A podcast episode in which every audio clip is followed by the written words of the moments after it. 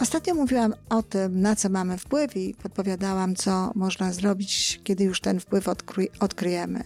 A co jeśli nie mamy wpływu, albo jeśli czujemy, że nie mamy wpływu?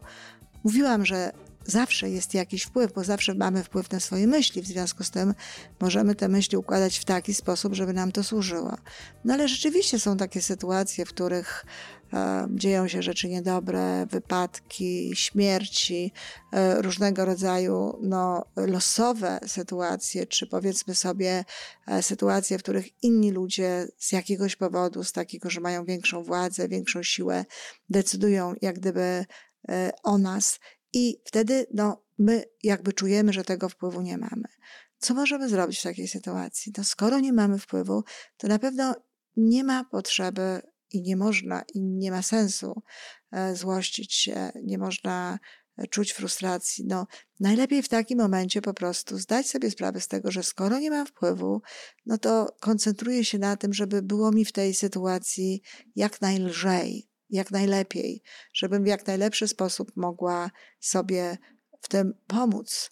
Y, mogę być dla siebie dobra, mogę sobie dać jakieś dodatkowe przyjemności w tym momencie, mogę się objąć i pogłaskać, mogę sobie mówić, że, że dam sobie radę, że będzie dobrze ta modlitwa, którą przypisuje się różnym osobom, a która jest naprawdę piękna i pozwala no, na to, abyśmy w takich właśnie momentach lepiej funkcjonowali, może nam w tym pomóc.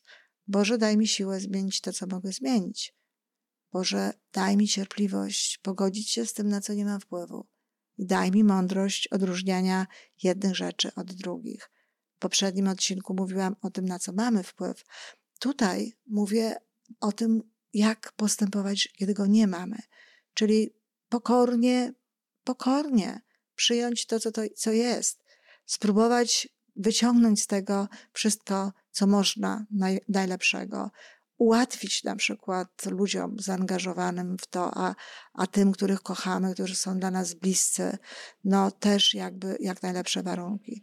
Mówiąc zupełnie konkretnie, jeżeli choruje ktoś z naszych bliskich, jeżeli umiera ktoś z naszych bliskich, nie mamy wpływu na to, czy żeby go zatrzymać. Zresztą czasami nawet nie jest dobrze zatrzymywać, szczególnie jeśli to są ludzie starsi, ale niekoniecznie.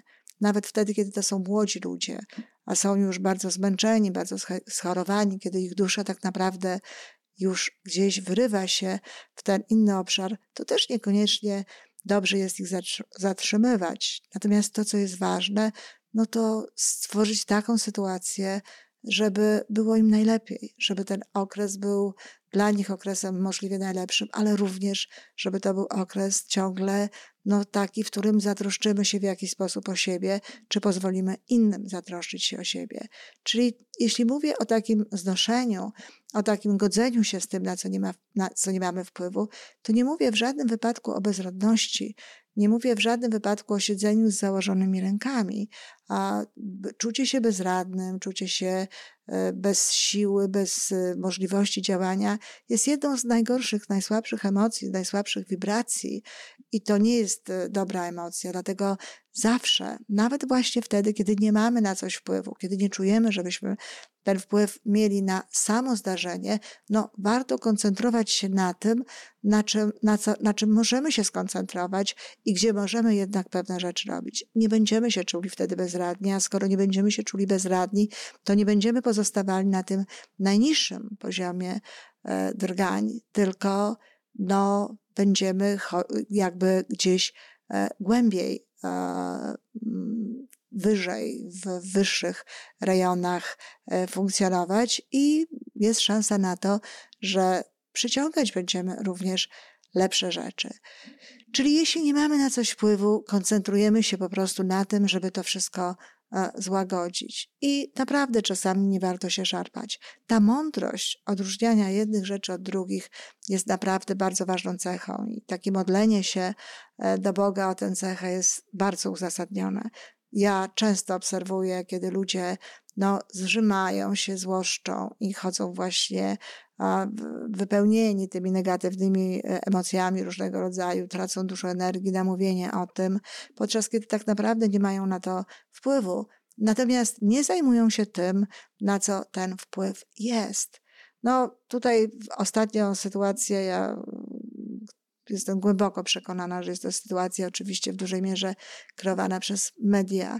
Niemniej jest y, koronawirus.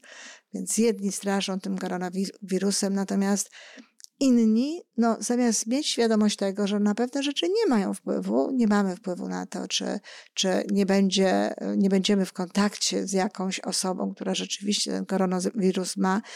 Nie wiem, w takiej Kanadzie na przykład te szanse są nie do, niewielkie w sumie. Ostatnio, jak, jak czytałam raporty, to cztery osoby były zdiagnozowane, wszystkie są jakby pod kontrolą i, i z tego co wiem, nikt nie umarł. Ale mm, nie mamy na to wpływu tak naprawdę. Oczywiście możemy chodzić w masce, możemy chodzić w, w, w takich y, ochronnych jakichś y, ubraniach i jakiś, używać jakichś ochronnych przedmiotów i ludzie to robią i, i próbują w ten sposób wpłynąć na tę sytuację. Wpływ to jest tak naprawdę znikomy, bo tutaj chodzi tak naprawdę o to, jaka jest szansa na spotkanie e, kogoś takiego. Ale to jest ciekawe, że w takim momencie zakładają maski, robią różnego rodzaju inne rzeczy. A przecież mamy wpływ codziennie na to, jak żyjemy, co jemy, czy myjemy ręce, czy nie, w jaki sposób się odżywiamy, jak, jak w ogóle traktujemy nasze ciało, czy dajemy mu miłość. I tak na co dzień gdzie ten wpływ jest tak naprawdę duży, no, ludzie często o tym zapominają. Dopiero przypominają sobie właśnie w takich momentach.